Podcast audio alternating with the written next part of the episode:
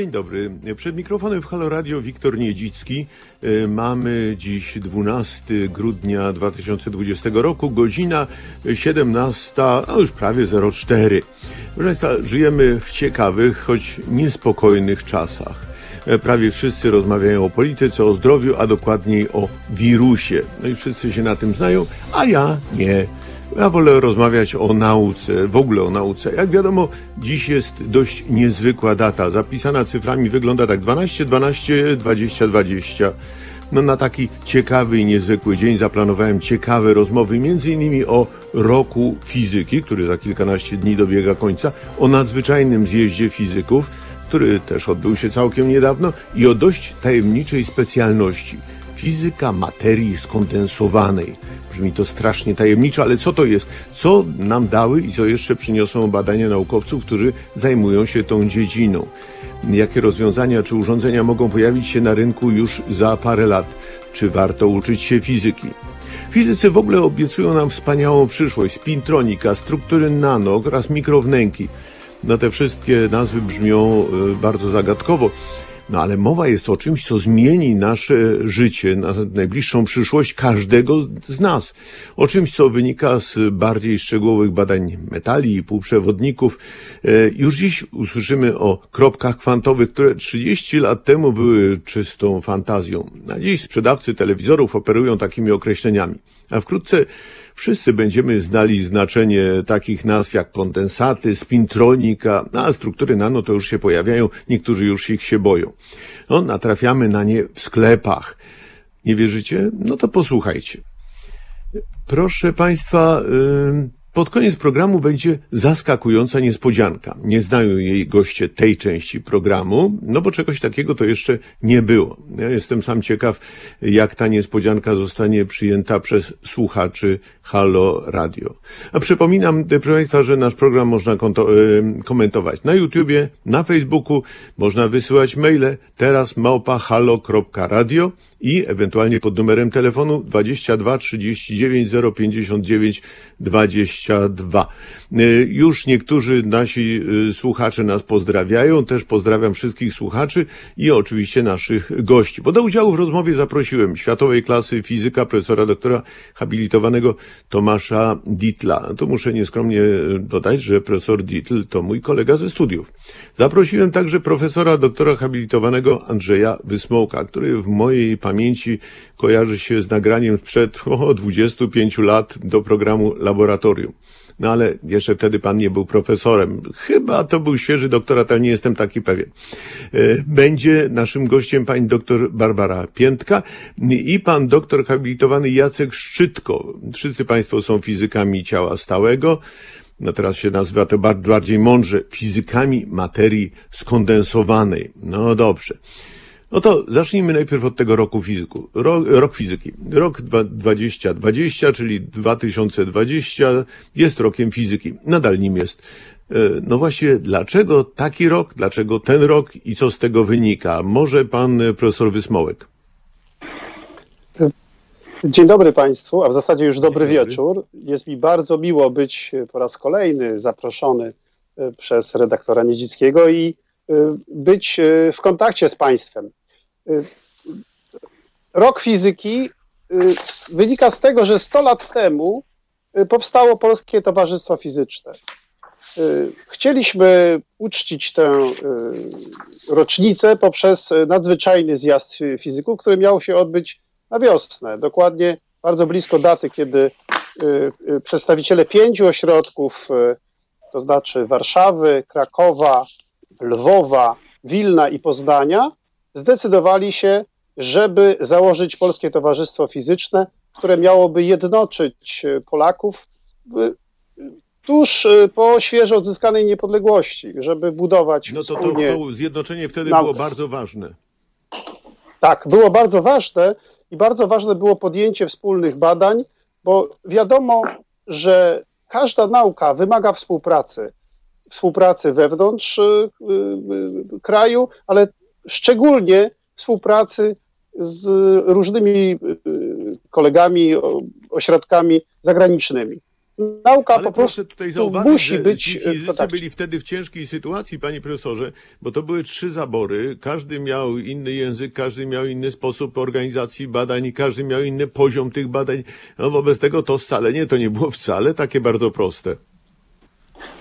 No nie było bardzo proste i wydaje mi się, że problemy, które my mamy w tej chwili są bardzo, bardzo y, małe w porównaniu z tym, czego oni y, doświadczali i jakie, jakie przeszkody musieli pokonywać. Y, Przypomnę, że to 100 lat temu działo się w fizyce bardzo wiele. Y, Wtedy y, mówią, zaczęto mówić o mechanice kwantowej. Wtedy też y, były przełomowe, pojawiły się przełomowe prace Einsteina, ogólna teoria względności, y, która świętuje sukcesy 100 lat później, bo jeżeli mówimy o Nagrodzie Nobla, 2017 rok, y, to, to jest odkrycie fal grawitacyjnych. Swoją drogą y, fale grawitacyjne, warto dodać, przewidziane przez naszego y, profesora Andrzeja Trautmana, profesora Uniwersytetu Warszawskiego, Tak. oraz tegoroczna Nagroda Nobla Roger Penrose i dwóch, y, dwoje obserwatorów, astrofizyków, astronomów y, za y, badanie czarnych dziur, które też są, y, y, wynikają z y, ogólnej teorii względności. Więc y, to były ciekawe czasy. Z jednej strony Polskie Towarzystwo y, Fizyczne, ogromne problemy, y, próba unifikacji, zjednoczenia, podjęcia wspólnych działań. Z drugiej strony niesamowite, y, czas niesamowitych odkryć, które do tej, y, jeszcze dzisiaj, prawda, świętują swoje sukcesy. I y, Panie nadzwyczajny tak, zjazd, ale to który sekundę, odbył to się. Może powiedzmy w takim razie, y, co, y, co się zdarzyło z okazji tego roku fizyki, może jakieś króciutkie, dlatego że za chwileczkę powinniśmy Tak. y, jeszcze raz przywitać Tak, to- naszych gości i uporządkować ten program. Dobrze, bardzo dziękuję za porządkowanie. Y, Więc chcieliśmy zacząć z przytupem, więc 25 stycznia odbył się bal fizyków na Politechnice, na Wydziale Fizyki Politechniki Warszawskiej. Bawiliśmy się, były pokazy, y, były tańce. No potem niestety przyszedł, przyszła pandemia, ale nie poddaliśmy się i z, organizowaliśmy zjazd nadzwyczajny, 46. nadzwyczajny zjazd, y, który się właśnie odbył y, w październiku, to jest 16-18 października i y, jest to o tyle nietypowy zjazd, że wszystkie materiały, wszystkie nagrania, wykłady, y, sesje, plaka sesje plakatowe można y, obejrzeć, można do niej dotrzeć przez stronę internetową 100 lat ptf.net.pl 100 lat fizyki jeżeli po- Polskiego Towarzystwa Fizycznego, jeżeli Państwo sobie, sobie włączą, to, to można tam to wszystko obejrzeć. Oprócz tego Super, były konkursy fotograficzne. To jest bardzo ważne, bardzo ważne i bardzo, przepraszam, ja e, przerywam, ale tak, muszę się odnieść do naszych, e, do naszych tutaj słuchaczy, którzy piszą, no, że lubią urządzać niespodzianki. Tak, dobra nazwa katedry to jak dobra nazwa partii musi ładnie brzmieć. To pewnie a propos właśnie tej fizyki materii skondensowanej. Tak. E, Panie profesorze, ale ponieważ... To nie tylko e, nazwa, to też, Nie? to też, to też, to też zmiana obszaru. Y, Ciało stałe to jest coś twardego, tak? coś y, takiego y, sztywnego, natomiast materia skondensowana to na przykład ciekłe kryształy, o których No będzie, dobra, mam nadzieję. Panie, mowa. panie profesorze, za moment, za moment do tego dojdziemy, ponieważ y, no, musimy, y, że tak powiem, trzymać się czasu. Teraz wymóg jest taki, teraz będziemy bardzo regularni. Wobec tego teraz y, na chwilę poproszę o y, ten blok promocyjny, który musi być, y, a za chwilę wracamy właśnie do tej fizyki ciała stałego, czyli inaczej fizyki materii fazy skondensowanej.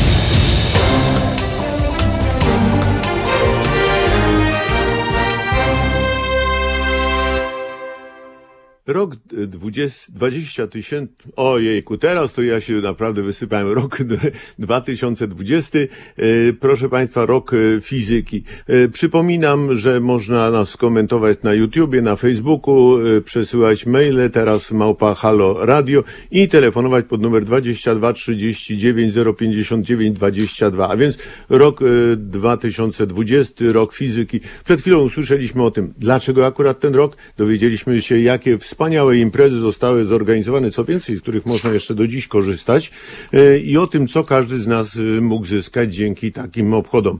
Przypominam, że naszymi gośćmi są doktor habilitowana Barbara Piętka, Wydział Fizyki Uniwersytetu Warszawskiego, profesor doktor habilitowany Andrzej Wysmołek, Wydział Fizyki Uniwersytet Warszawski, profesor doktor habilitowany Tomasz Dietl, Instytut Fizyki Polskiej Akademii Nauk i doktor habilitowany Jacek Szczytko, też Wydział Fizyki Uniwersytet Warszawski. Mówiłem już o tym, o tej fizyce ciała stałego, czy fizyce materii, z fazy materii skondensowanej, to może w takim razie jeszcze pan profesor Wysmołek zaczął mówić o tej fazie materii skondensowanej. To tak może jeszcze raz uzupełnijmy dla słuchaczy, którzy dopiero się włączyli. Chodzi o to, że fizyka ciała stałego kojarzy się nam z czymś takim twardym, y, na przykład metale, półprzewodniki, kryształy ogólnie, ale mogą być też kryształy, które są y, miękkie, na przykład y, ciekłe kryształy, które mają pewne właściwości kryształów, ale można nimi manipulować. I ogólnie ta fizyka materii skondensowanej to jest coś szerszego. No, to dotyczy również takich procesów jak formowanie się lodu z wody, czy też sublimacji, wzrostu kryształów i, i tego typu rzeczy. Więc to jest coś szerszego. Niemniej jednak no, mój zakład, czy zakład, w którym pracuję, nazywa się ciągle jeszcze Zakładem Fizyki Ciała Stałego. Być może czas na zmianę i powinniśmy to rozszerzyć, zwłaszcza, że biorąc pod uwagę, co doktorzy Piętka i Basia Piętka i Jacek Szczytko robią, no to tam jest dużo tej miękkiej materii, która też wkracza w materię biologiczną, gdzie się łączy pewne organiczne i biologiczne systemy z systemami takimi, do których myśmy się przyzwyczaili, czyli krzem, azotek galu, czy arsenek galu, czyli materiały, z których robi się tranzystory, z których robi się diody świecące. Połączenie tych różnych obszarów no, daje lepszy obraz fizyki materii skondensowanej. Panie profesorze, ale w, w, kraju mamy co najmniej kilkanaście instytutów, które zajmują się właśnie tymi sprawami, w sumie setki naukowców przez tyle lat. No co stworzyli, czy co zbudowali polscy fizycy zajmujący się tą dziedziną? Co wynika z tylu lat pracy? Mamy wśród nas specjalistę, pana profesora Tomasza Ditla. Dzień dobry Tomku. Może ty zechcesz o tym powiedzieć? Dzień dobry Państwu. To pamiętajmy, że zadaniem uniwersytetu, głównym zadaniem jest uczenie, więc e, trzeba o tym pamiętać, że przez te wiele lat zostało wykształconych e, wiele osób, które pracują e, w wielu działach gospodarki, też uczą oczywiście w szkole. I fizycy są dość uniwersalni. Wielu fizyków pracuje, no to na całym świecie pracuje na przykład e, na giełdzie, w bankach, bo fizycy tym się różnią od e, innych specjalności, że potrafią zbudować modele i e, potrafią postawić liczby pod te modele, czyli opisać zjawiska ilościowo, co się przydaje nie tylko fizyce, nie tylko w materii skondensowanej, ale w wielu innych zagadnieniach. Więc o tym trzeba pamiętać. Ale równocześnie i tutaj powiedzmy wiemy wszyscy, że E, wszystkie urządzenia, które lubimy, korzystamy z których na przykład telefon komórkowy, no jest upakowany wiedzą fizyczną. Są tam różne urządzenia, właśnie zbudowane z materii skondensowanej, które wprowadzili fizycy, którymi zajmowali się e, fizycy na nagrody Nobla z fizyki, na przykład za tranzystor, e, kiedyś była za układy scalone, komórki CCD, które są w aparatach fotograficznych, diody świecące. To wszystko jest fragment fizyki. I teraz powstaje pytanie oczywiście, czy to było tylko robione gdzieś za granicą, czy było robione w Polsce. I e, wkład Polski jest za mały w stosunku do naszego potencjału, to nie ma wątpliwości. Ale też nie jest tak, że w Polsce nie ma firm e, wysokiej technologii, które włączają się e, również pewne zagadnienia. Na przykład jedna z takich firm to jest Amono, E, stworzona przez Roberta Dwinińskiego, który jest absolwentem Uniwersytetu Warszawskiego, e, która produkuje arsenę galu bardzo wysokiej jakości, e, na którym budowane są wzmacniacze, na przykład w telefonach, wzmacniacze mocy, ale również diody świecące I być może część z nas nie zdaje sobie z tego sprawy, ale w samochodzie, którym e, jeżdżą, czy, czy w telefonu, który uważają, są e, być może podłoża z azotu galu, które zostały przez Amono zrobione. Tego do końca oczywiście nie wiemy, bo... E, no tak, producenci tego nie ujawniają, jest, oczywiście. Ale te, też nie ujawniają, jest ogromny... Produkują... Tak. Tak, Choć już była taka azotek galu to... również. Tak, tak. E, tak, tak, chodzi o tego. I e, to już e, wiele lat temu, 100 lat temu była książka napisana, produkcja ołówka. Ile osób, jaki jest ten ciąg produkcji ołówka, bardzo skomplikowany. Tym bardziej, bardziej skomplikowany jest ciąg produkcji urządzeń elektronicznych. I powiedzmy są ci, których znamy, którzy końcowy efekt dostarczają w postaci telefonu, czy to będzie jaki telefon używamy, wszyscy wiemy. E, ale oczywiście ten telefon jest zbudowany przez wiele, wiele osób i wkład jest oczywiście ogromny. No, ten cykl produkcyjny jest bardzo duży. Też jest znana taka firma w Polsce, która produkuje e, która już powstała wiele lat temu, oczywiście przechodziła również przeobrażenia, która produkuje bardzo czułe detektory podczerwieni. E, które tak, są wykorzystywane znowu w wielu. Mm, to jest firma Vigo. No i tych firm można by wymieniać. Mówię, e, powinno ich być więcej. Byśmy bardzo chcieli, wielu z nas pracuje nad tym, żeby tych firm było więcej. E, staramy się mm, również dać wasz wkład nie tylko do produktów jak telefony komórkowe, ale również mm, takimi firmami, które w Polsce istnieją i które mają największe szanse również no, do bycia zbudowanym przez pracowników naukowych, to jest dla rynku badań naukowych. Musimy zdawać sobie sprawę, że każde państwo przeznacza około 2% średnio na badania naukowe swojego PKB. I w związku z tym na badania naukowe jest przeznaczone ogromne pieniądze. No, w, jakichś 60% idą na, na, na, na, zarobki tych naukowców, ale w dużej mierze idą również na mm, odczynniki, aparaturę pomiarową i to jest ogromny rynek, który również firmy polskie te, mają wkład. Na przykład w Instytucie Fizyki, w którym pracuję, jest firma, która się specjalizuje w produkcji czystych pierwiastków. Tych pierwiastków, jak wiemy, wszyscy jest koło 100, które się używa w, do produkcji wszystkich rzeczy, które nas otaczają, a dwa z nich najczystsze są robione właśnie u nas w Instytucie z mangan magnes i wszyscy, którzy chcą mieć czysty mangan magnes kupują go w tej firmie Puramat. Z tych przykładów powiedzmy takich zastosowań jest niewiele. Ale właśnie, no właśnie ale sekundę, to wróćmy w takim razie tak już bezpośrednio to, do, do państwa dziedziny. Bo pamiętam jak to, wiele Przepraszam, lat temu... panie redaktorze, czy, czy, tak. panie redaktorze, czy ja ty, typowo tak. po pierwsze tak, y, do tych imprez różnych w ciągu y, tego roku, to dołączyłbym też audycję w Halo Radio, za którą jestem A, bardzo wdzięczny. Bardzo. Także dziękuję. o tym żeśmy zapomnieli jakoś, tak, także tutaj było bardzo, y, bardzo przyjemnie i interakcja ze słuchaczami była bardzo dobra. Y, natomiast ja tak. chciałbym wrócić do tego, co profesor Dietl powiedział, że co, żeby y, uczelnie muszą zrobić coś, żeby powstawały firmy, żeby, powsta żeby kształcić ludzi, którzy wykorzystają naszą wiedzę, że y, aktualnie można powiedzieć, że nasze badania są w dużej mierze wykorzystywane przez duże koncerny, przez zagranicznych, przez potentatów zagranicznych. Co zrobić, żeby to się zmieniło? Ano trzeba kopiować pewnie takie y, procesy, jak się, jakie są na przykład na Stanford University, gdzie mamy y, przestrzeń dla studentów, gdzie mogą realizować swoje projekty, potem nauczyć się, jak y, te projekty rozwijać, jak wdrażać je w, w życie i albo po wyjściu z uczelni zakładać firmy, albo zmieniać firmy, które już istnieją tak, żeby y, otrzymać nową wartość i żeby współpracować z Alma Mater, z której wyszli. I to się dzieje w Stanach Zjednoczonych, to się dzieje w dobrze rozwiniętych gospodarkach zachodnich.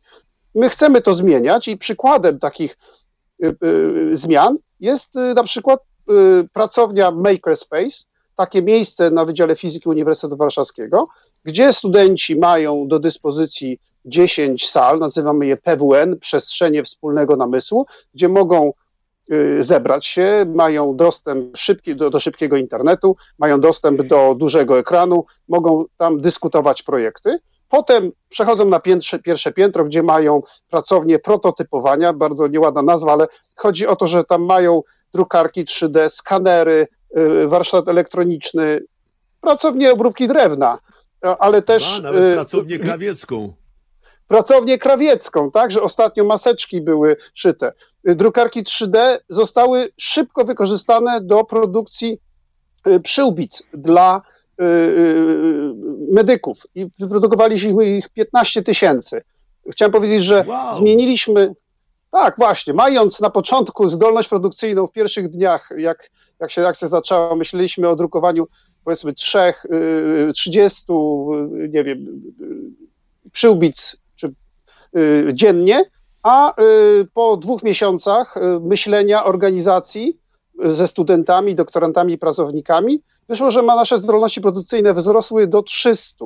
I to nie tylko dlatego, że kupiliśmy 10 nowych dróg. No to studenci naprawdę opanowali. Teraz jak tak. założą firmy, to to będzie działało. A no właśnie. I tu są takie szczególiki. Proszę zobaczyć. To nie chodzi o tylko o to, że kupiliśmy 10 nowych drukarek, ale chodzi o to, że studenci udoskonalili wydruk tak, żeby y, na przykład y, można było, możliwe było wykorzystanie całej szpulki y, tego materiału, z którego się drukuje, tego filamentu, tak żeby na przykład w nocy ktoś nie musiał przychodzić i bo brakuje 2% tam szpulki, żeby dokończyć całą partię. Takie drobne rzeczy spowodowały, że zamiast, nie wiem, że, że ta efektywność się bardzo poprawiała. To znaczy, że Super. zmniejszyli tylko grubość paska podtrzymującego tam szybkę, o 2%, to jest niezauważalne i nie ma znaczenia dla y, y, y, jakby użytkownika.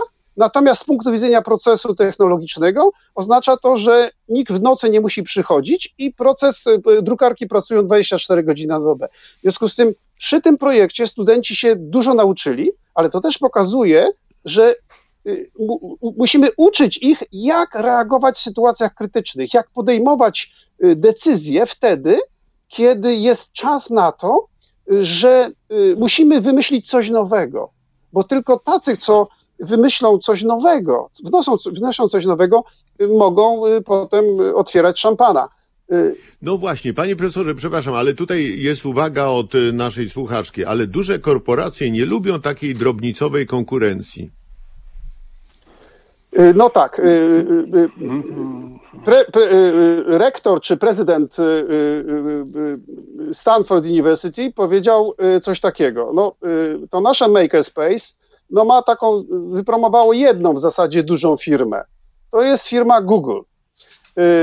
Ale przez 70 lat powstało bardzo dużo małych firm. I te małe firmy, one zaczynały, one bardzo często, jak Państwo spojrzycie na nie, to nie jest tak, że Google powstał od razu, że Microsoft powstał tak, że od razu był gigantem. Była pewna nisza, była pewna potrzeba, którą ktoś wykorzystał, rozbudował. I ja liczę na to, że takie nowe kształcenie y, spowoduje, że my y, osiągniemy y, taki stan, że będzie dużo takich małych firm, niekoniecznie, które niekoniecznie od razu muszą konkurować z tymi gigantami, bo to rzeczywiście jest bardzo trudne ale tak jak pan profesor Ditt powiedział, są pewne elementy, w których możemy być najlepsi, jak na przykład produkcja naj, najczystszych metali, czy najczystszych związków, czy też pewnych elementów, które są kluczowe do, dla telefonów, kluczowe dla różnych technologii. I tak krok po no kroku właśnie, tu... powinniśmy tak. to zmienić.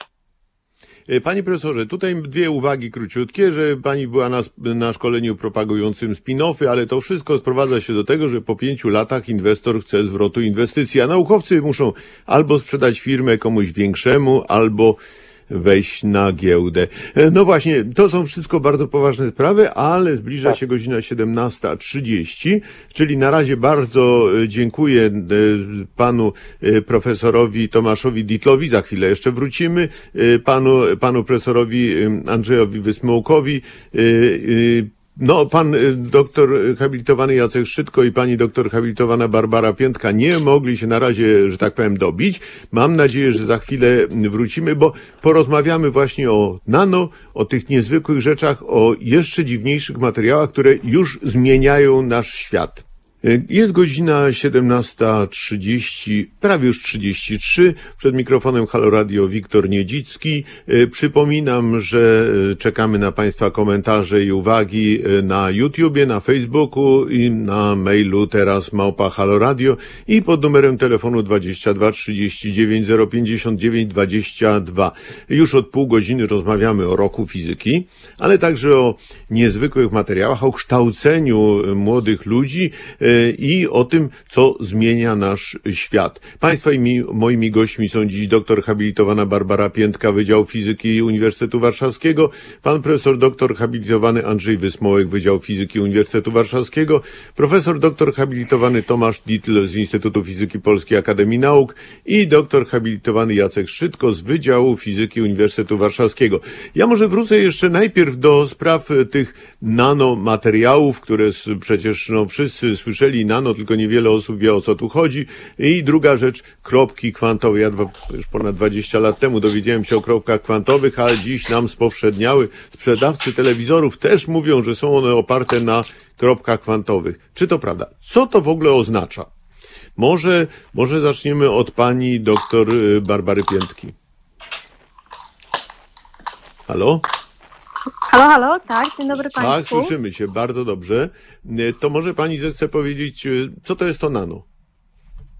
Co to jest to nano? No, nano to taki, taki malutki świat, taki świat, który, no, w którym, który jest rządzony przez elektrony, No właśnie, ale jak malutki, elektrony... jak malutki, jak to sobie można wyobrazić? Mm, taki malutki, żeby zamknąć elektron na przykład w pułapce. Czyli takie nano, no bezpośrednio nano, no to skrót od, y, od, od przedrostka nano, czyli 10 do minus 9. To jest nasza miara odległości, czyli nanometry, czyli 10 do minus 9 metra. I to no to już pani bardzo odległości- dobrze wyjaśniła, bo obawiam się, że 10 do minus 9 metra to nic nam dalej nie mówi. No powiedzmy, możemy powiedzieć, że włos ludzki to jest y, gdzieś około 100 mikrometrów. Y, No to w takim razie, no to w takim razie to będzie ile? Tak, y, tysiąc razy mniej. No trochę jeszcze, Mhm. jeszcze mniej. Jeszcze. No 10 tysięcy razy mniej. No to na jednym włosie by się takich struktur nano na średnicy zmieściło pewnie 10, może nawet 100 tysięcy. To jest Mniej taki świat, tyle. w którym już Tak? Ja może tylko powiem, że obrazowo to jest taki świat, w którym już, y, gdybyśmy mogli tam wejść do kryształu, zaczęlibyśmy widzieć grupy atomów. Y, Czyli No. po prostu zaczynamy widzieć świat atomowy, ale jeszcze nie w takiej skali, że to jest rozmiar atomów, a rozmiar 10, 100 atomów. To jest ten świat, czy tam tysiąca na atomów. Czyli, czyli to jest naturalny świat y, nano, czy w którym atomy y, są już widoczne. No tak, to tak, już, tak, już, to już dalej trudno sobie to wyobrazić. mechaniki kwantowej, a nie O, Znaczy, przepraszam, Y, y, y, Czy trudno sobie wyobrazić? No, Nagroda Nobla z, y, za mikroskop sił atomowych, czy mikroskop Tak. tunelowy, pokazuje, że możemy już je oglądać. Znaczy, oglądać dla fizyka znaczy, że użyje urządzenia, które zobrazuje jakoś atomy i rzeczywiście możemy mieć obraz pojedynczych atomów. Czyli możemy mieć 100 atomów na powierzchni grafitu, czy powierzchni arsenku, czy azotku galu, Czyli te atomy my już zaczynamy z, y, takimi metodami eksperymentalnymi obserwować. Nie tak jak y, Demokryt, że tylko myślał, wymyślił, że są takie cegiełki. No i teraz to nano, tak jak Basia mówi, to ten świat nano to jest świat taki, gdzie, gdzie mamy takimi podstawowymi jednostkami są grupy atomów. Aha, no dobrze, to, to zacznijmy od tego, może tak, kropki kwantowe, ta spintronika, a w ogóle y, może, może najpierw by pani doktor powiedziała, a czym pani się zajmuje? Jak to w ogóle wygląda? Pani laboratorium będziemy mogli za chwilę obejrzeć na filmiku, jeżeli y, nasza pani Asia, pani realizator y, zechce nam to odtworzyć, a pani opowie, czym się pani zajmuje. My zajmujemy się bezpośrednio w naszym laboratorium, zajmujemy się przede wszystkim półprzewodnikami. Ale te półprzewodniki chcemy modyfikować przez to, żeby je bardzo silnie y, sprząc ze światłem. Czyli w półprzewodnikach no przede wszystkim rządzą elektrony. No elektrony w ogóle rządzą w naszym świecie, na wszystkich układach scalonych, na przesyłu sygnałów elektrycznych. To jest dla nas najważniejsze. Na tym budujemy y, naszą elektronikę. Natomiast my chcemy zmodyfikować te nasze elektrony o oddziaływanie ze światłem. Chcemy zrobić tak, żeby na przykład najlepiej na pojedynczej płytce scalonej połączyć elektrony, elektrony z fotonami tak, żeby można wykorzystać było wszystkie możliwości, jakie nam daje światło, czyli ogromne prędkości poruszania się, bo wiemy, że no, światło porusza się z dużą prędkością, to największa znana prędkość no, to jest prędkość światła w próżni, ale też światło może pokonywać ogromne odległości bo przecież na przykład no, używa się to w światłowodach, tak? Techniki światłowodowe są w powszechnym użyciu i właściwie teraz już praktycznie każdy z nas ma w domu takie łącze światłowodowe.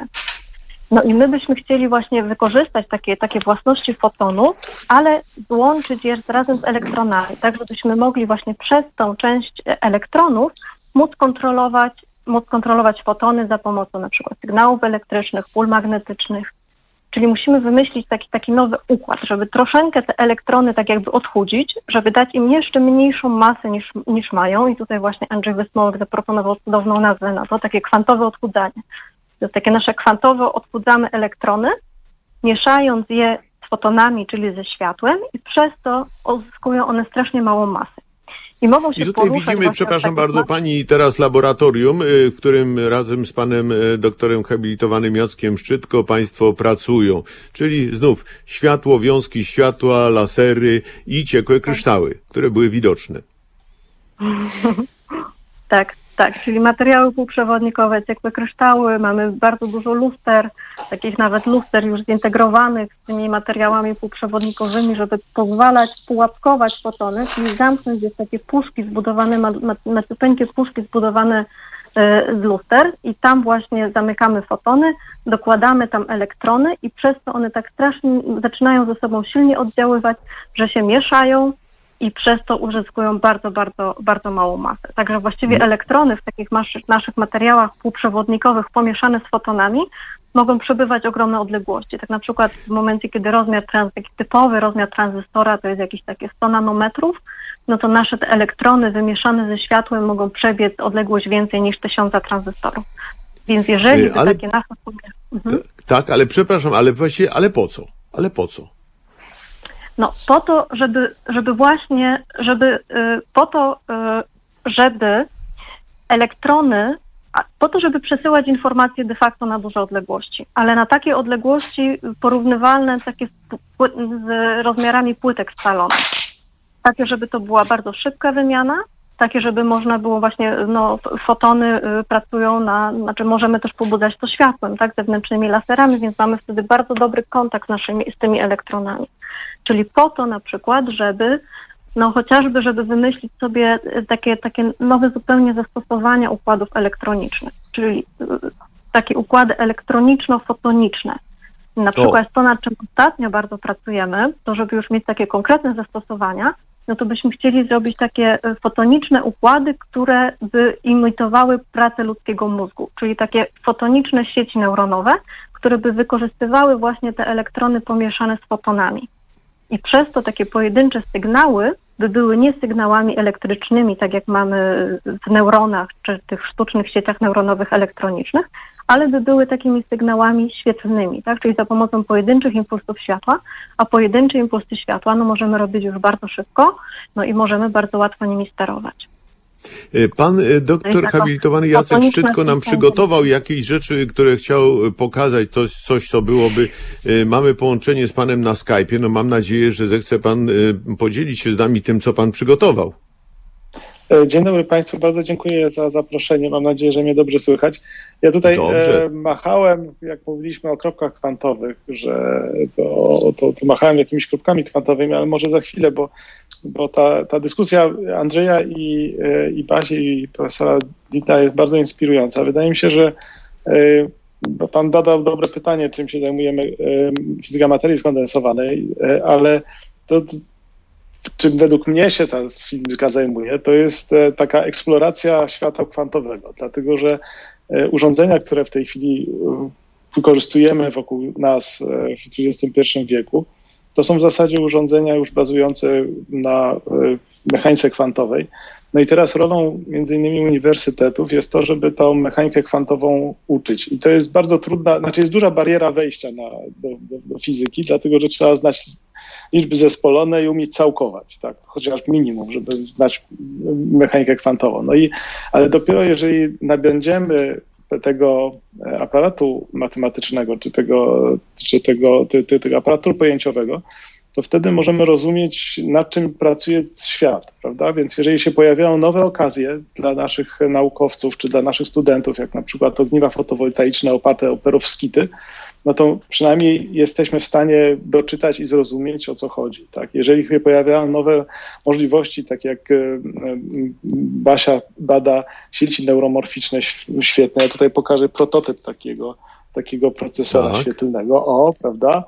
E, no to, no, to, no to też są potrzebne ludzie, którzy po prostu jest, są w stanie coś takiego zrozumieć. I jakby rolą uniwersytetów między innymi jest to, żeby przygotować nasze społeczeństwo do, do e, pojawienia się technologii, nie które, które były, nie uczyć tego, co było, bo to, to, to można wziąć książkę albo YouTube'a i sobie zobaczyć, tylko my musimy przygotować ludzi na to, co będzie. I to jest chyba taka najważniejsza rola, którą stoimy.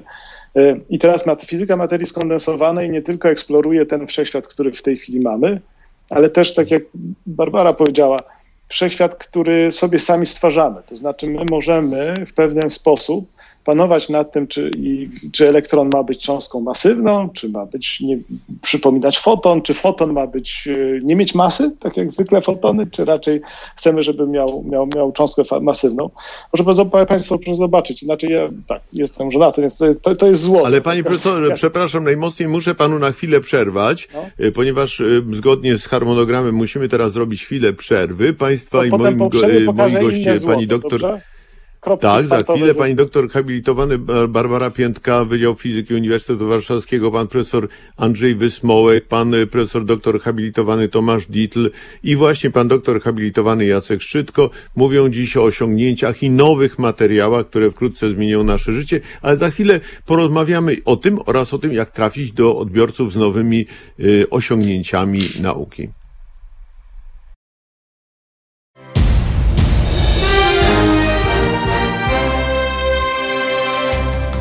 Halo Radio.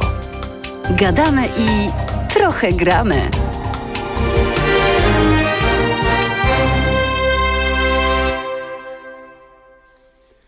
17.47 i 35 sekund. E, przed mikrofonem nadal Wiktor Niedzicki i nadal rozmawiamy o e, fizyce, o roku fizyki 2020 i o niezwykłych materiałach. Przypominam, że można komentować e, nasze rozmowy na YouTubie, na Facebooku, wysyłać maile na teraz małpa Halo Radio i pod numerem telefonu 22 39 059 22. Tu mamy mamy y, uwagę naszej słuchaczki. Dziś audycja jest na takim poziomie, że czuję się jakbym była na jakiejś sesji naukowej. No właśnie, y, jak widać, jak widać nasi uczeni starają się y, Państwu wyjaśnić, no ale to w dalszym ciągu jeszcze trzeba, trzeba przybliżyć to wszystko, a więc Dziś przypominam, że moimi, Państwa i moimi gośćmi są doktor habilitowany Barbara Piętka, Wydział Fizyki Uniwersytetu Warszawskiego, pan profesor doktor habilitowany Andrzej Wysmołek, Wydział Fizyki Uniwersytetu Warszawskiego, pan profesor doktor habilitowany Tomasz Ditli, Instytut Fizyki Polskiej Akademii Nauk i doktor habilitowany Jacek Szczytko, Wydział Fizyki. I tu y, pan, y, pan doktor habilitowany Jacek Szczytko y, przerwał pokazywanie właśnie niezwykłych materiałów. No to w takim razie wracamy do Pana. No dobrze, no to ja chciałem pokazać e, złoto. Znaczy mam nadzieję, że wszyscy widzą, spróbuję na białym tle jakoś, znaczy mam nadzieję, że widzą Państwo niebieską i taką czerwoną, tutaj jest jeszcze bardziej czerwona może e, fiolka. E, to są nanocząstki złota, tylko że to są, te niebieskie to są takie nanotrójkąty, a te, te, są, te są chyba kulkami, znaczy te, te bardziej czerwone. No i jak widać e, za pomocą, e, to, to jest ten, to, ten sam materiał, to jest normalne złoto, tak? Znaczy, wiemy jak wygląda złoto, no ale dzięki e, temu, że właśnie zmniejszyliśmy, tak jak tutaj mówiła Barbara Piętka, zmniejszyliśmy nasze, nasz materiał, to ono uzyskało nowe właściwości i fizyka materii skondensowanej zajmuje się między innymi kontrolą tych własności materiałów poprzez różnego rodzaju budowanie ich w tak żeby miały różny skład, albo zajmowanie, znaczy kontrolę na przykład e, rozmiaru, kształtu, czy to są płaskie e, studnie kwantowe mówimy, takie obiekty dwuwymiarowe, czyli nie, nasz wszechświat jest trójwymiarowy, a my tutaj, czy może czterowymiarowy, bo jest jeszcze czas, ale studnia kwantowa jest dwuwymiarowa, drut kwantowy jest jednowymiarowy, a kropki no, kwantowe No to teraz to już pan nas kompletnie dobił, panie doktorze. Ale wie pan co, jest... specjalnie, to znaczy, bo wydaje tak? mi się, że po prostu ten, ten znaczy ten aparat pojęciowy rzeczywiście jest, jest, jest stosunkowo trudny e, na, na wejściu, ale można się z nim osłuchać. To znaczy to, żeby sobie wyobrazić świat, który jest dwuwymiarowy, który jest narysowany na kartce papieru i w związku z tym dwie, dwa, dwa obiekty mogą się okrążyć, ale nie mogą sobie podskoczyć na jeden nad drugim, to wymaga tylko odrobiny wyobraźni. I nie można powiedzieć, że fizyka jest trudna, to jest za trudne dla mnie i to się, to, to, to, to, to, na pewno tego nie zrozumiem. Nie, wydaje mi się, że na wielu poziomach, nawet bez mechaniki kwantowej, można e, jakby dowiedzieć się, czym się zajmują e, fizycy. Tym bardziej, że można, to ma tylko wie pan to, przepraszam bardzo, tylko to... muszę panu przerwać, tylko ludzie mają niestety w radiach wyłączniki, mogą nas wyłączyć, po prostu powiedzą, e, my nie rozumiemy. E, tu właśnie wracam do tematu, mam nadzieję, że i profesor Wysmołek się w, w tej sprawie wypowie. No wiemy już, z jakim oporem spotyka się wprowadzanie sieci komórkowej 5G. No i również inne nowości naukowe znajdują takich zdecydowanych przeciwników. To co robić? Jak przekonać ludzi, że nikt nie dybie na ich życie, że nowości tworzą fizycy, głównie tworzą z ciekawości, że takie studnie kwantowe albo spintronika to nie jest nic groźnego, tylko to jest coś, co będzie służyło ludziom. No właśnie, pomyślmy o tym. Wydaje mi się, że y, jak każda koncepcja, y, y, tak jak fizyka jądrowa, nawet u nas przestaną używać prze, prze, przestaliśmy używać jądrowe, tylko mówimy na przykład re, y, atomowe, prawda? Rezonans magnetyczny. Żeby, rezonans magnetyczny, tak? Po to, żeby ludzi nie drażnić, żeby nie mówić, nie kojarzyło im się to z bombą atomową. A przecież widać, że tę energię jądrową możemy wykorzystać w dobry sposób, żeby badać na przykład, wykorzystać to w medycynie, żeby walczyć z nowotworami, żeby mieć źródło energii, no i możemy w zły sposób. I teraz e, fizyk, jak jeżeli coś odkrywa, naukowiec, to on w zasadzie nie wie, na pewno nie jest po tej stronie chyba, żeby, żeby używać to w złej, w złej wierze, ale y, y, oczywiście taka możliwość istnieje. Ale zanim do tego, do tego przejdę, i teraz trzeba ludziom uświadamiać, co jest złe, a co dobre.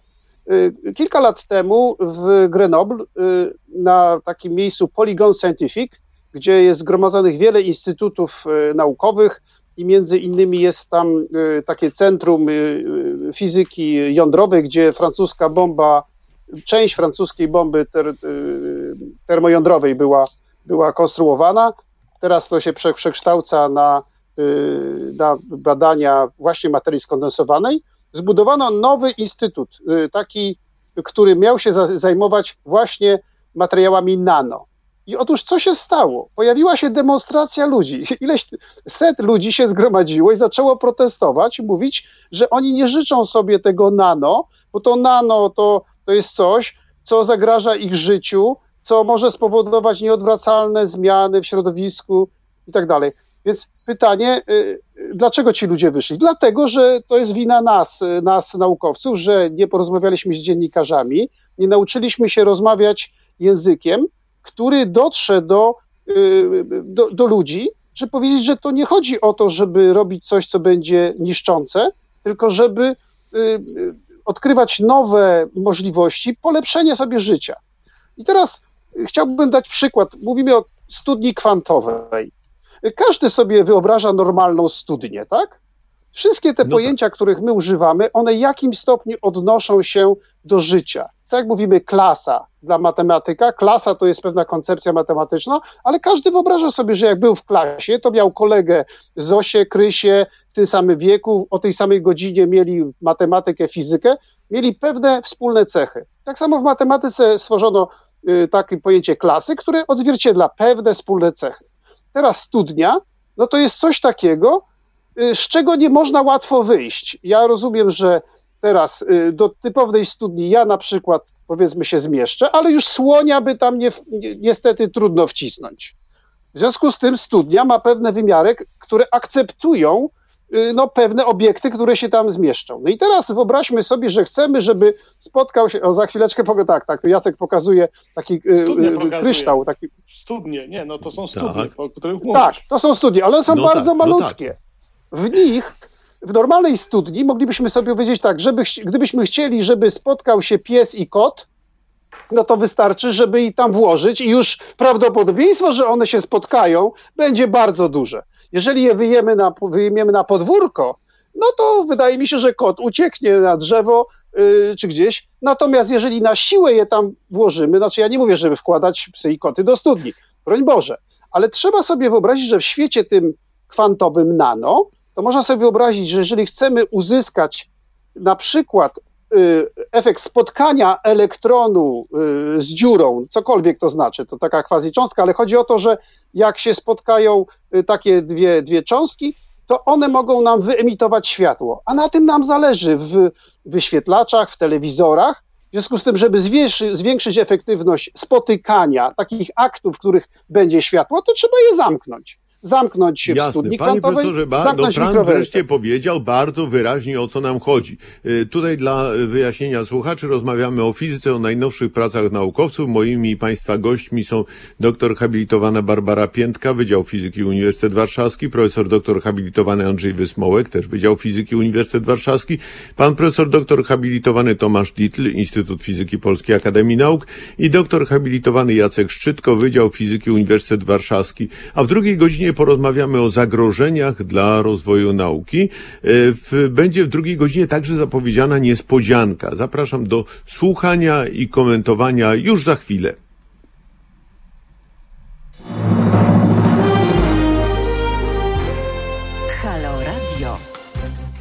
Dzień dobry, po raz y, kolejny Wiktor Niedzicki przed mikrofonem Halo Radio. Dziś mamy niezwykły dzień, 12, 12, 20, 20, ładnie to brzmi. Y, I jest godzina 18 mniej więcej, a 18.02. Y, proszę Państwa, dziś przypominam, że zapraszamy Państwa do komentowania na YouTubie, na Facebooku, wysyłania e-maili na teraz małpa Halo Radio i ewentualnie korzystania z telefonu 22 39 050 1922. Dziś rozmawiamy o fizyce, o najnowszych pracach naukowców. Będzie także za chwilę obiecywana niespodzianka. Państwa i moimi gośćmi są nadal doktor habilitowana Barbara Piętka, Wydział Fizyki Uniwersytet Warszawski, pan profesor doktor habilitowany Andrzej Wysmołek, Wydział Fizyki Uniwersytetu Warszawskiego, pan profesor doktor habilitowany Tomasz Dittl, Instytut Fizyki Polskiej Akademii Nauk i pan doktor habilitowany Jacek Szczytko, Wydział Fizyki Uniwersytetu Warszawskiego. Tu muszę od razu przeczytać jedną uwagę od e, naszej słuchaczki. Pan Wysmołek potrafi niesamowicie opowiadać. No, panie profesorze, to jest komplement naprawdę niezwykły. Mm, ale e, Bardzo dziękuję. Przed chwilą do... No, proszę pana, to jest coś takiego, jakby pan medal dostał albo jakieś specjalne wyróżnienie. Tak się Przed czuję. chwilą dotknęliśmy, dotknęliśmy takiego bardzo ważnego, aktualnego problemu opór przeciwko odkryciom, nowościom naukowym i technicznym. No i jest to tak stare jak ludzkość. No kiedyś przecież się obawiano również e, parowozów, a być może kiedy wynaleziono koło też były opory. Tylko, że teraz to grozi nam naprawdę, grozi nam wszystkim. No, czy mamy tego świadomość? E, no i co robić? No i co odpowiedzieliby Państwo na reakcję swojego rozmówcy, a jak ja nie lubię fizyki, to tak a propos tego roku fizyki. Edukacja. Edukacja od przedszkola. Już to jest ta odpowiedź, że y, na większość problemów, które mamy w tej chwili, y, odpowiedzią jest edukacja. Jeżeli przy, oswoimy młodych ludzi z pewnymi pojęciami, z tym, co jest dobre, co jest złe, czego się obawiać, y, w jakich sytuacjach się, no, jak się zachowywać w określonych sytuacjach, to to nam pozwoli w przyszłości osiągnąć taką sytuację, w której ludzie będą sami analizować informacje, których do nas dociera coraz więcej. Bo proszę zauważyć, w jakiej my jesteśmy w tej chwili sytuacji. Y, ktoś może mówić nieprawdę i będzie po, po, powtarzał wielokrotnie, i ona będzie docierać do nas przez internet, przez telewizję, przez różne media. I teraz człowiek musi sam pomyśleć, co w tym jest, co może być prawdziwe, a co nie. No i teraz z tymi masztami sieci, sieć 5G. 5G, każdy tak chciał, jest. Każdy chciałby mieć lepszy, możliwość lepszego ściągania filmów, oglądania tych filmów w lepszej rozdzielczości, przesyłania zdjęć, magazynowania informacji. I gdyby się zastanowił, w jaki sposób to można zrobić, no to właśnie odpowiedzią na to, odpowiedzią naukowców jest na to sieć 5G, która pozwala nam bardzo szybko prze, przekazywać informacje. I teraz no właśnie, trzeba panie byłoby powiedzieć... sekundę, ja panu przerwę, bo pan, pan, pan doktor Szczytko y, właśnie prowadził takie zajęcia, zdaje się, z dziećmi, próbował pan nawet z dziećmi komputera kwantowego, tak?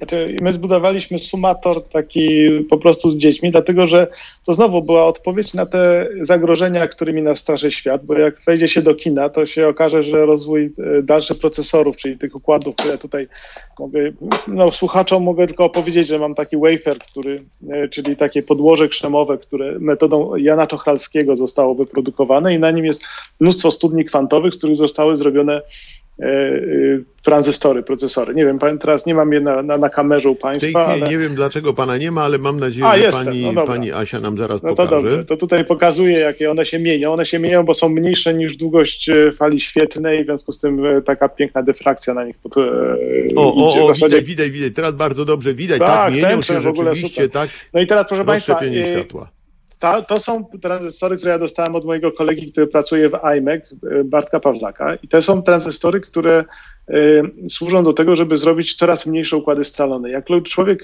ogląda się Hollywoodu, no to wie, że za chwilę będzie e, Terminator, zrobi z nas Matrix, bo te komputery będą coraz, nie wiem, szybsze i, i zyskają świadomość i tak dalej co nie jest prawdą.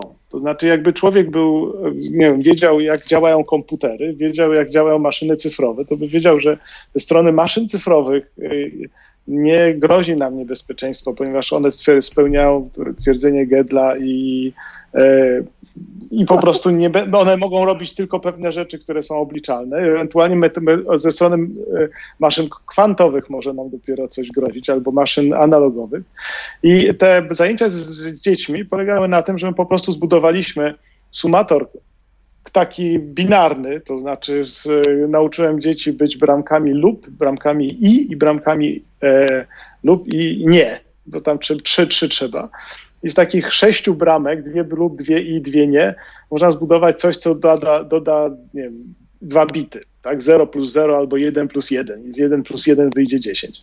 No i tutaj y, od razu można snuć fantastyczne rozważania, na przykład co to jest świadomość, prawda? Jak to się pięknie łączy, no bo jakbym takich dzieci y, rozdał te zera i jedynki, te karteczki, które one pokazywały na całym stadionie narodowym i tam posadził, musiałbym posadzić obecnie pewnie całą ludzkość, bo te, tam ilość tranzystorów to kiedyś e, mnie e, profesor Dietl właśnie e, na swoim wykładzie powiedział raz, że i to mnie uderzyło, że wyprodukowanie teraz jednego tranzystora tą metodą kosztuje mniej niż wyprodukowanie jakiejkolwiek litery, jakimkolwiek, jakimkolwiek techniką, długopisem, ołówkiem, drukiem, ksero, wszystko jedno. Teraz litera jest droższa niż tranzystor.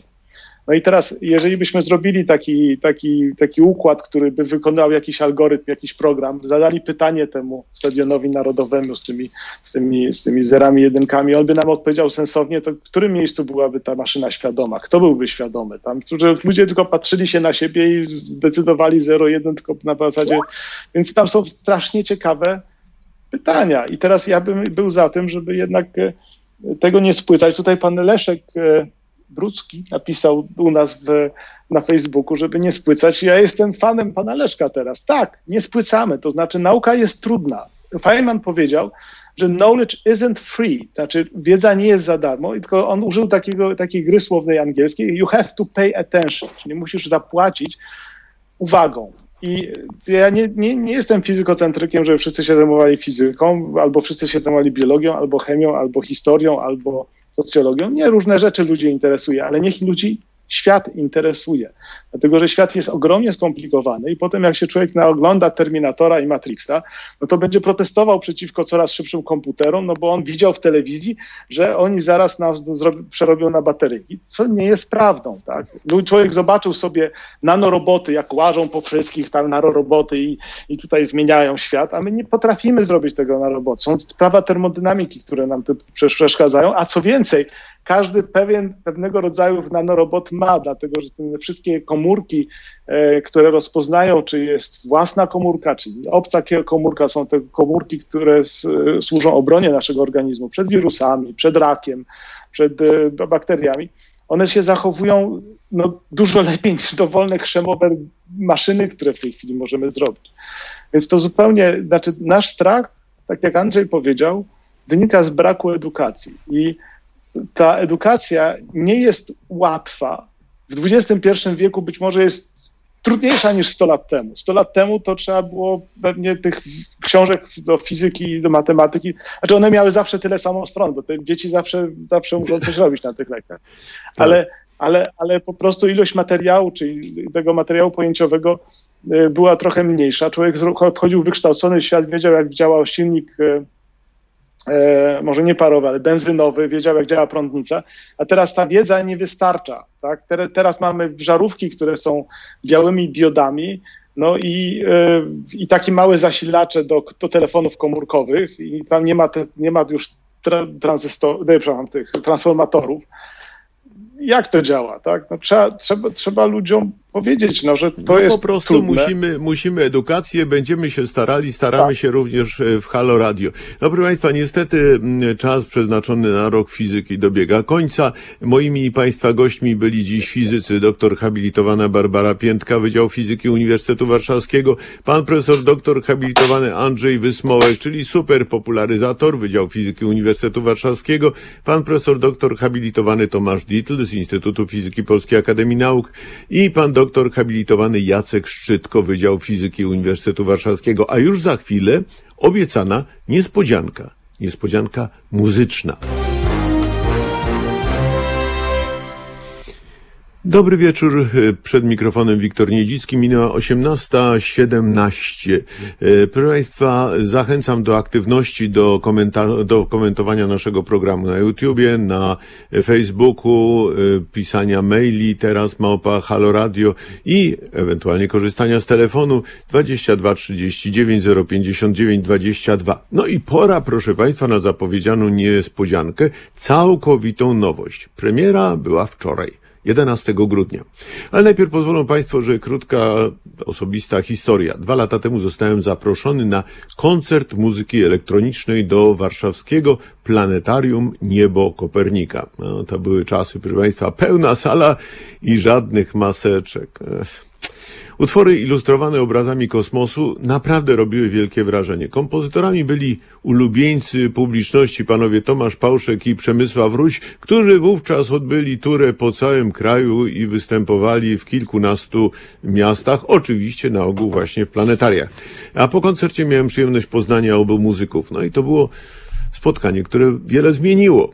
W marcu tego roku kompozytorzy, a jednocześnie popularyzatorzy nauki zwrócili się do mnie z propozycją niezwykłej współpracy. Pantarei 2 z podtytułem y, Where We Come From, czyli skąd przychodzimy. No sądzę jednak, że będzie najlepiej, jeśli sami kompozytorzy opowiedzą o tym utworze, czy też o wielu utworach. No tak jak w szkole. Co autor miał na myśli?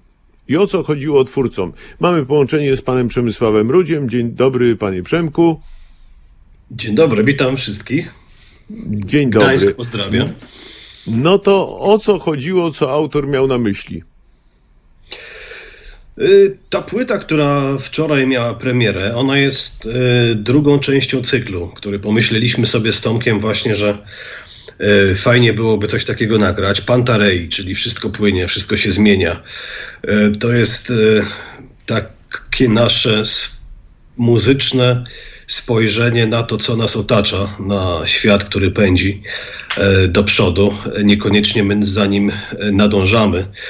E, człowiek, tak sobie rozmawiałem, rozmyślałem swego czasu, że, że postęp technologiczny znacznie wyprzedza ewolucję biologiczną człowieka, co może prowadzić do no, mniej lub bardziej karkołomnych, karkołomnych wydarzeń, jeśli chodzi o cały nasz rodzaj, gatunek, cywilizację i tak dalej. Tomek mi pomógł w, tym, w tej w pierwszej części pomyśleliśmy sobie, że pójdziemy za ciosem. E, mijają dwa lata od premiery e, Panty pierwszej, teraz mamy Pantę drugą. E, no i tak jak pan wspomniał na, na początku, no to spotkanie w planetarium, ono było, że tak powiem, dla nas wszystkich jakimś objawieniem swego, swego rodzaju, bo, no bo, bo co, płyta jest, wziął pan gościnnie w niej udział, bardzo ważny, za który bardzo dziękujemy. E, mam nadzieję, że e, miłośnicy muzyki elektronicznej w tym jej klasycznym wydaniu e, nie jest to muzyka ani klubowa, ani taneczna, jest to muzyka relaksacyjna, kontemplacyjna, która zmusza jednak do oderwania się troszeczkę od tego, tego pędu właśnie, który jest za Takiej oknami. codziennej młocki, mówiąc prost tej mucki, dokładnie tej takiej, że staramy się utrzymać na powierzchni i to utrzymanie się na powierzchni polega na tym, że jesteśmy przepracowani, że wszędzie nas, że wszędzie nas pełno, mamy czas dla wszystkich, a nie mamy czasu dla siebie.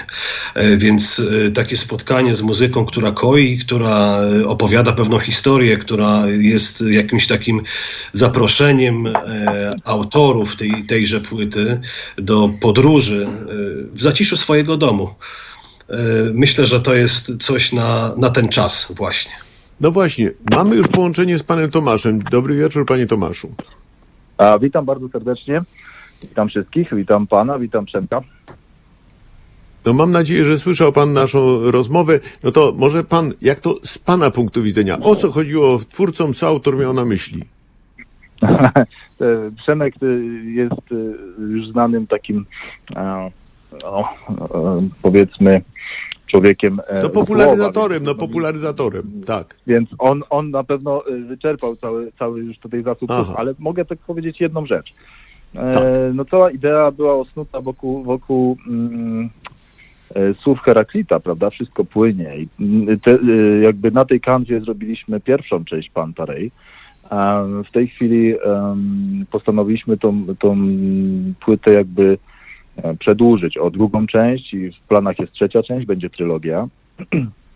I e, chodziło nam o to, żeby, żeby uzyskać jakby jeszcze jedną rzecz, e, żeby pokazać, że muzyka może w czasie się zmieniać, że to nie są poszczególne utworki typ, czy piosenki, tak, typu 3-4 minuty, tylko to są suity gdzieś po 20-18 minut różnie. I przez te 20 około minut danego utworu, e, stylistyka, gatunek wręcz, e, klimat, e, emocje danego utworu się mocno zmieniają, wręcz czasami są no, jakby ze skrajnych części spektrum. Także no myślę, że to jest, to jest też taka fajna idea, że po prostu to płynie i w czasie się zmienia. Tak jak, nie wiem, rzeka, jak płynie, płynie po prostu rzeka, jak, jak płynie wiatr, który jest, prawda, przesuwany. Więc to, no to mniej więcej tak to wygląda. Ale proszę pana, nie ukrywam, że dla mnie panów propozycja była zaszczytem, ale także wyzwaniem. No bo jak opisać w największym skrócie, skąd pochodzimy?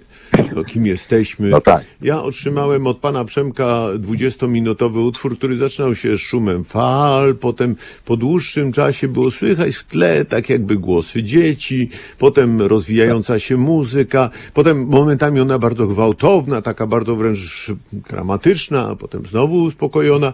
No i to mnie zmusiło do y, zastanowienia, co nas ukształtowało. Jakimi jesteśmy dzisiaj?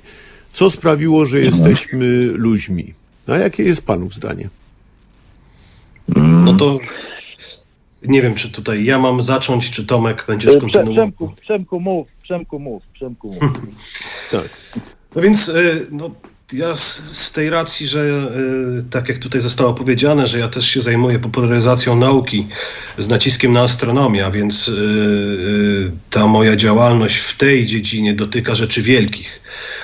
Rzeczy ostatecznych czasami, rzeczy, które dały początek wszechświatowi i, kiedyś dadzą je, jemu, prawdopodobnie będą przyczyną jego końca.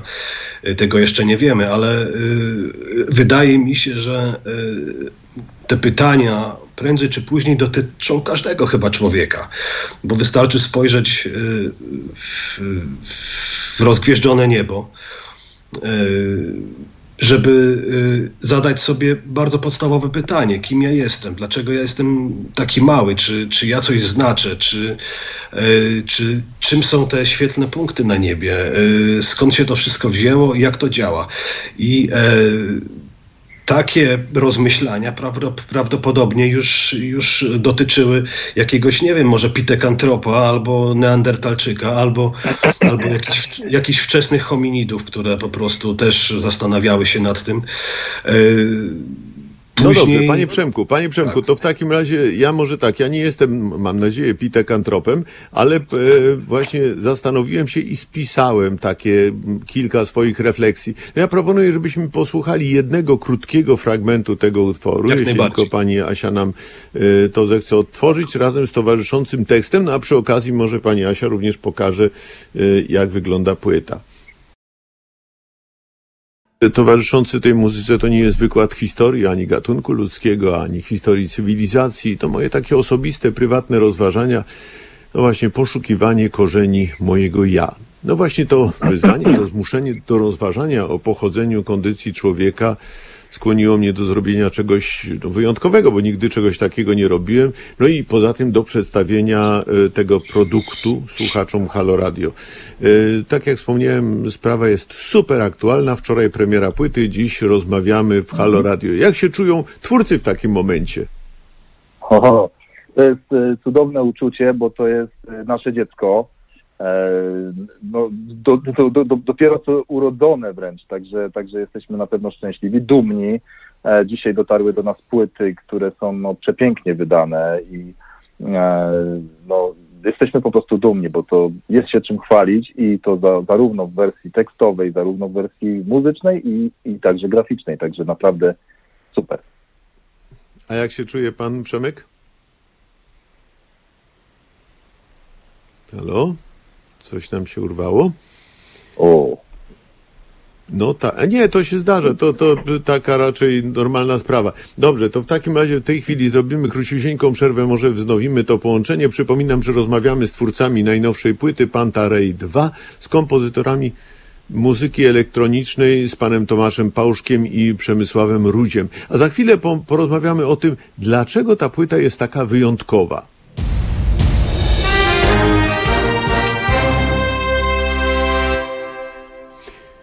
Minęła godzina 17, nie, przepraszam, 18.32. E, przypominam o tym, że prosimy Państwa o komentarze na YouTubie, na Facebooku, o maile, teraz małpa Halo Radio i pod numerem telefonu 22 39 059 22. A rozmawiamy o niezwykłym albumie płytowym, w którego powstaniu wziąłem skromny udział, e, ale ten album to nie tylko muzyka, to przemyślenia dotyczące tego, skąd przychodzimy, dlaczego dlaczego jesteśmy tacy, jacy jesteśmy. Czasem dobrzy, czasem źli, okrutni. Co nas napędza i od czego wszystko się zaczęło? O tym ciekawym wydawnictwie rozmawiam z kompozytorami muzyki elektronicznej i popularyzatorami nauki e, Tomaszem Pałszkiem i Przemysławem Rudziem. Ja powiedziałem, że to jest niezwykły album. A właściwie dlaczego jest taki niezwykły? No Tomek, pochwal się. Dlaczego? O matko. No, yy, daliśmy z siebie wszystko. To znaczy, um, tak jak pierwsza część e, była dosyć taka intymna, skromna, yy, dość taka, powiedziałbym, poetycka, tak tym razem yy, postaliśmy na większą motoryczność i większą taką oprawę zarówno muzyczną, czyli jest większy aparat wykonawczy, to znaczy jest więcej ścieżek moim zdaniem, jest, jest, jest gęściej tego wszystkiego, jest pełniej. Plus właśnie ta wspaniała e, narracja e, pana Wiktora, która właśnie, też chciałem o, o, o tym powiedzieć, że e, świetnie pan ujął jakby te, te rozważania, bo tutaj są i zahaczamy i o biologię, o geografię, o geologię wręcz, i o jakieś takie filozofie, także naprawdę różne rzeczy, i o emocje, prawda, o miłość, o, różne inne rzeczy, więc szeroko jest to ujęte. E, co jeszcze? No naprawdę, naprawdę postawiliśmy też na to, żeby dotrzeć jak najszerzej e, do słuchaczy, więc też e, i wydanie jest bardzo, bardzo bogate. Jest to, jest to wydanie zwłaszcza winylowe, które jest naprawdę eleganckie, wręcz można nazwać to prestiżowe, tak? bo jest spadka z tekstem, jest, jest naklejka, jest plakat, są winyle, także jest naprawdę bardzo, bardzo ciekawie. No, a tak, niektóre rzeczy pokazywaliśmy tutaj na ekranie. Ci, którzy tak. oglądają nas na YouTube albo na Facebooku, to mogli to zobaczyć. Yy, no, ale, ale właśnie bardzo, bardzo mnie cieszy to, że, że tak pięknie zostało to wydane. Natomiast pytanie jest dodatkowe. No dobrze, ale właściwie dla kogo jest ta płyta? Niektórzy tutaj piszą, gdzie można kupić płytę nie wychodząc z domu. Ktoś tu pisze, w tak rozpędzonym świecie potrzeba chwili zastanowienia i refleksji. Inna osoba, niesamowity projekt, jestem pełna podziwu. To jest pytanie również, czy to jest muzyka ambient, tak się kojarzy z ambient festiwalem. Tak, tutaj y, tych takich y, ambient owszem, tam są w tej muzyce również, to wynika z naszych y, fascynacji E, dawnych, kiedy myśmy zaczynali w ogóle przygodę z instrumentami elektronicznymi. No ja, ja wyrosłem ze świata muzyki zwanej rockiem progresywnym, więc tutaj, e, więc tutaj e, te suity, te duże formy muzyczne, gdzie jednak to napięcie budowane jest nie w przy pomocy y, zwrot, y, systemu zwrotka-refren, ale raczej takich form, które się rozwijają bardziej jak sonaty, czy to są bardziej takie budowane kompozycje i struktury dźwiękowe bardziej kojarzone może nawet z muzyką klasyczną, taką, taką symfoniczną. E, więc e, dla kogo ta płyta jest? To jest płyta dla, e, dla miłośników muzyki przede wszystkim, bo skala i mnogość stylów zawartych w ogólnym pojęciu muzyki elektronicznej tutaj na tej płycie jest dosyć szeroka. To spektrum, to spektrum barw, spektrum dynamiki, spektrum akordów, harmonii i tak dalej jest to coś, co niekoniecznie y, w chwili obecnej święci triumfy w, w środkach masowego przekazu. Jednak y, myślę, że chyba nie pomylę się i jeśli, jeśli stwierdzę, że, że współczesna muzyka, ta, ta, która, ta, która gości w mediach, no ona jest raczej muzyką e, prostą w konstrukcji. E, jest to muzyka nastawiona na szybki efekt, na szybkie przekazanie jakichś treści. To są utwory po 2-3 minuty, bo, bo musi być miejsce na reklamę, e, bo musi być miejsce na kolejny utwór i tak dalej, i tak dalej. Tutaj słuchacz, który godzi się na to, żeby polecieć w podróż z nami, dostaje w zamian y, no tutaj prawie że 80, prawie że 80 minut y, elektronicznych pejzaży, dużo przestrzeni, klimatów, które mogą się kojarzyć z astronomią, z kosmologią, y, z filozofią, bo przecież, bo przecież pana wywód też o filozofię zahacza, więc, więc to jest wydawnictwo niszowe, to nie są płyty tłoczone w tysiącach egzemplarzy. Są to, jest, to, jest to wydawnictwo pomyślane jako właśnie, właśnie wydawnictwo y, dla wybranych, ale zachęcamy wszystkich, którzy właśnie szukają czegoś takiego w muzyce, żeby się tym zainteresować. No właśnie, panie Przemku, ale to znaczy, że tak, po pierwsze strasznie dziwnie, bo y, idą panowie w kierunku elity, teraz to jest niedobre, to, to w ogóle źle jest widziane, no ale trudno, no każdy sobie wybiera tego odbiorcę. E, tutaj ktoś napisał, tak jak potrzeba wykształcenia w zakresie muzyki, to kształcenie muzyczne też jest potrzebne, no właśnie, ale proszę Państwa, niezależnie od tego, jaki będzie ten odbiorca, kim on jest, e, ile ma lat. E, proponuję, posłuchajmy krótkiego fragmentu muzyki z tej płyty, e, które panowie przygotowali, no właśnie jako taką próbkę tego, z czym możemy się zetknąć.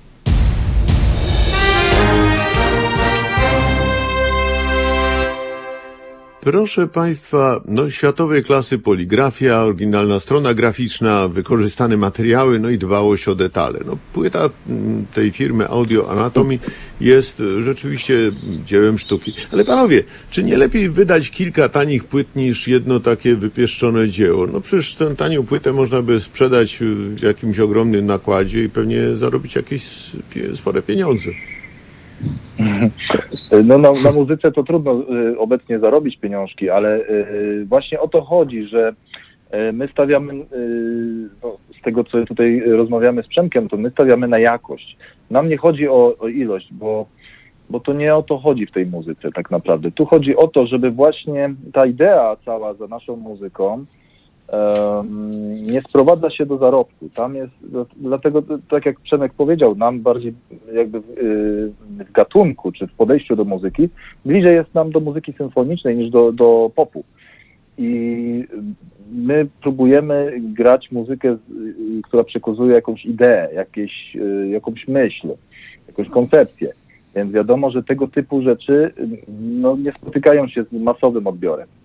Więc jeżeli już Jasne. nie mamy masowego odbioru, odbiorcy, więc dajemy temu wybranemu odbiorcy y, najlepiej jak się da po prostu skonstruowany produkt, brzydko mówiąc. O, może tak. No właśnie, ale teraz tak, odbiorcami takich płyt klasycznych są chyba głównie osoby po szkołach muzycznych, bo tacy ludzie są wrażliwsi, tak, y, mm, dostałem taki komentarz. No, pewnie to sporo mm, jest w tym racji, ale przepraszam bardzo, jedną z, jednym z elementów tego pięknego albumu jest płyta winylowa, tak zrozumiałem, tak? Tak, Dwie. Podwójna, podwójna, podwójna winylowa płyta. Mhm. A dlaczego winylowa? No teraz wydawałoby się winyle, to już sprawa przeszłości. No właśnie, no, no właśnie, to jest y, taki paradoks naszych czasów, że y, żyjemy w dobie cyfryzacji masowej. Wszystko jest malutkie, mikroskopijne, y, zmniejszają się telefony albo zwiększają się ich wyświetlacze, ale te wszystkie drobinki, te wszystkie jakieś procesorki tam się w środku się robią, robią się coraz mniejsze. Natomiast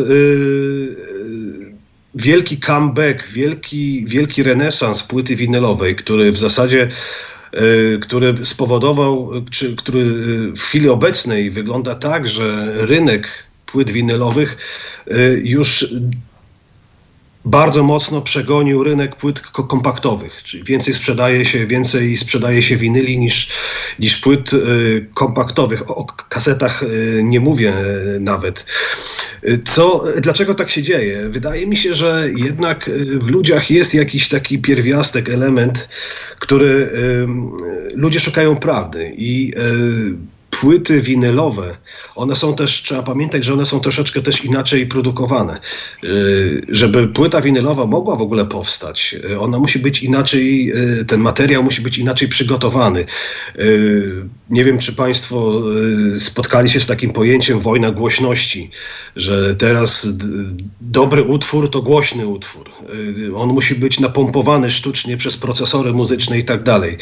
Z płytą winylową tego się zrobić nie da, dlatego ona, y, gdybyśmy zestawili dwa materiały nagrane na, y, z płyty kompaktowej i z płyty winylowej, nawet ten sam materiał, to płyta kompaktowa przepuszczona przez te wszystkie producenckie, producenckie cuda będzie grała owszem, głośniej, natomiast y, będzie męczyła słuch. Płyta winylowa z jej naturą, czyli trzeba podejść, trzeba rozpakować, trzeba włożyć na gramofon. To jest cała całe misterium w zasadzie, tak? Już e, e, pliki cyfrowe tego nie dają, bo włączamy Spotify, włączamy jakiś, e, jakiś stronę internetową i sobie to leci. Natomiast y, słuchanie muzyki z płyt winylowych, ono wprowadza jeszcze ten taki dodatkowy element, smaczek, że, że y, wymusza to skupienie się właśnie tylko na tym. To nie jest muzyka do golenia, mhm. to nie jest muzyka do, do jazdy samochodem. Tutaj trzeba y, zarezerwować sobie czas, na, y, na to spotkanie z muzyką. Ja bym to No i tutaj nasi słuchacze czy... też uważają, że od 40 lat słuchają na gramofonach, że gramofony wracają do łask. No widocznie no. wiele osób właśnie tęskni za e, takim e, zupełnie innym sposobem odbierania muzyki, takim, że słuchamy jej w skupieniu, w zamknięciu, a nie tak jak powiedział pan e, Przemek w samochodzie. No w tym roku były już inne wydawnictwa muzyczne obu panów, koncerty na żywo, oglądane na Facebooku. No przypominam, że w ramach tej wyjątkowej niespodzianki dziś miałem przyjemność rozmawiać z kompozytorami muzyki elektronicznej, panem Tomaszem Pałszkiem, Przemysławem Rudziem o płycie, która wczoraj miała miała premierę, czyli Pantarej 2. Tak. E, jeżeli mogę jeszcze na chwilę dodać właśnie to, co Przemek tutaj Tylko na sekundę, mówił. bo już kończymy. Na chwilkę. Dobrze, ja bym to porównał szybko do, do jedzenia. Jeżeli chodzi o fast food i slow food, czyli fast foodem jest ewidentnie Triki i Spotify, natomiast tak jak e, Przemek powiedział, to całe misterium e, to jest to opakowanie, przeczytanie wkładek, tekstów, i tak dalej. I zmian, zmienianie po prostu tych e, stron na winylu, więc y, polecam. Bardzo serdecznie dziękuję panom. Dziś niestety już musimy kończyć. Taki jest rozkład jazdy. Mam nadzieję, że słuchacze sami trafią, jak znaleźć państwa płytę w sieci. Dziękuję i do miłego zobaczenia, usłyszenia. Dziękuję, Dziękuję bardzo serdecznie. Kłaniamy się.